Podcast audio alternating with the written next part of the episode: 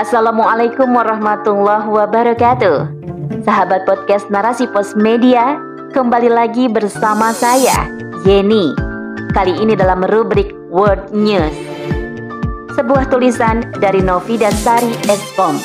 Berikut selengkapnya. Taliban dan Sang Negara Adidaya Mujahidin Afghanistan yang telah berhasil memutus pengaruh Uni Soviet yang telah lama bercokol di Afghanistan akhirnya keok di tangan Taliban.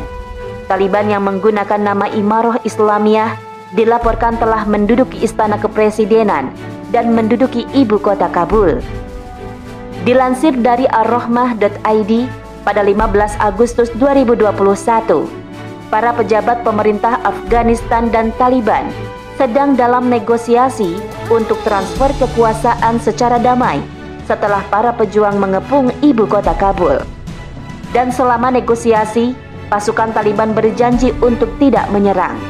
Kelompok ini mengatakan bahwa mereka telah menginstruksikan para pejuangnya untuk menahan diri dari kekerasan serta menawarkan jalan yang aman bagi siapa saja yang menginginkan untuk meninggalkan Kabul. Dan ternyata Ashraf Ghani selaku presiden Afghanistan pergi meninggalkan negara itu sehingga membuat banyak orang di Afghanistan marah dan bingung setelah Taliban berusaha merebut kembali kekuasaan seperti 20 tahun lalu. Namun kekuasaan ini berakhir dilibas oleh Amerika beserta pasukan koalisinya setelah peristiwa 11 September 2001.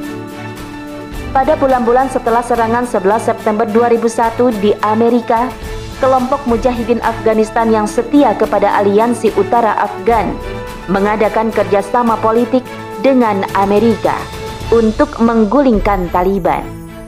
Kelompok ini juga mengumpulkan dukungan untuk pembentukan pemerintahan yang baru. Kemudian di bawah kesepakatan Bonn pada tanggal 5 Desember 2001 di Jerman, dibentuk pemerintahan transisi sementara dan mengangkat Hamid Karzai sebagai pejabat sementara presiden dari pemerintahan transisi Afgan. Bersama dengan Karzai, Hedayat Amin Arsala pun ditunjuk menjadi salah satu wakil presiden. Pada tanggal 9 Oktober 2004, terjadi pemilu di Afghanistan. Karzai termasuk yang mencalonkan diri, meskipun dianggap tidak memiliki dukungan kuat secara nasional. Ia menang di 21 dari 34 provinsi. Karzai pun resmi mengakhiri pemerintahan Taliban. Meski sebenarnya ia adalah mantan Taliban yang akhirnya memutuskan hubungan karena alasan ketidakpercayaan yang terkait dengan Pakistan. Sejarah telah mengukir tinta akan keberpihakan Taliban kepada Amerika Serikat. Sekutu yang sempat pecah dengan bahasa militer tampaknya akan terjalin ulang.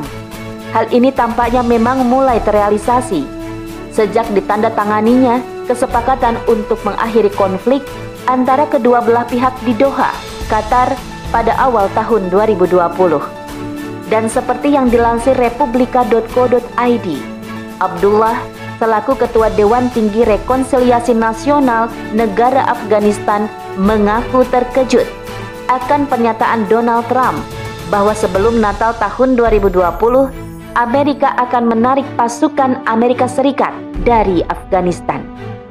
Abdullah sudah menduga-duga bahwa akan ada konsekuensi dari pernyataan Presiden Amerika ini. Sehingga kata Abdullah, mereka akan mengupayakan pembicaraan untuk perdamaian di Doha.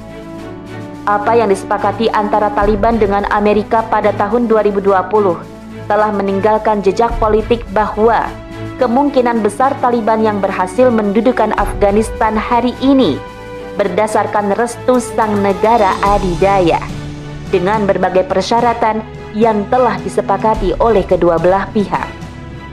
Juru bicara media internasional Taliban, Suhail Shahin, sebagaimana yang dilansir dari arrohmah.id mengatakan bahwa kelompoknya menginginkan transisi kekuasaan secara damai untuk beberapa hari ke depan. Ia meyakinkan bahwa semua properti dan kehidupan orang-orang, khususnya di kota Kabul, akan aman. Ia juga mengatakan bahwa mereka menghormati hak-hak perempuan dan mereka akan memberikan kebijakan untuk perempuan bahwa mereka dapat mengakses pendidikan dan pekerjaan dengan syarat selama mengenakan hijab. Ketika ditanyakan oleh media BBC perihal penerapan syariat Islam, juru bicara Taliban ini mengatakan, tentu saja mereka menginginkan pemerintahan Islam. Meskipun Taliban mengatakan menginginkan pemerintahan Islam, kenyataannya pihak Taliban telah melakukan kesepakatan dengan Amerika. Hal ini bertentangan dengan sistem bilateral Islam yang mengharamkan terjadinya perjanjian, kesepakatan, dan kerjasama apa pun dengan negara kafir harbi fi'lan. Hanya ada satu interaksi yang boleh dilakukan dengan mereka, yaitu jihad visabilillah tatkala daulah Islam di bawah institusi khilafah yang sesuai dengan metode kenabian berdiri. Amerika sebagai pengusung ideologi kapitalis memiliki kepentingan untuk menghadapi komunis. Juga ideologi lain, yakni Islam, yang mereka khawatirkan akan kemunculannya. Berbagai upaya akan mereka lakukan, termasuk membelokkan arah perjuangan dari pengusung ideologis. Umat harus sadar tidak ada kekuatan yang bisa mengalahkan kepentingan-kepentingan para pengusung ideologis ini, kecuali kekuatan ideologis Islam. Sebagaimana Uni Soviet dikalahkan mujahidin. Akan tetapi, kekuatan ideologis bisa saja dibelokkan tanpa adanya institusi resmi atasnya, yakni khilafah. Apalagi jika terdapat pengkhianat ataupun penguasa boneka di dalamnya. Untuk itu, umat harus sadar, pemerintah Islam yang dikemukakan oleh Taliban bukanlah pemerintahan Islam yang dituntut oleh dalil syar'i yang terkait dengan pemerintahan dan kepemimpinan. Pemerintahan Islam yang sesungguhnya adalah yang bebas dari intervensi, restu, kerjasama, dan izin dari pihak mana pun. Ia berdiri sendiri dan bisa menjaga keamanan negaranya di atas keamanan kaum muslimin, bukan keamanan orang kafir. Wallahu a'lam.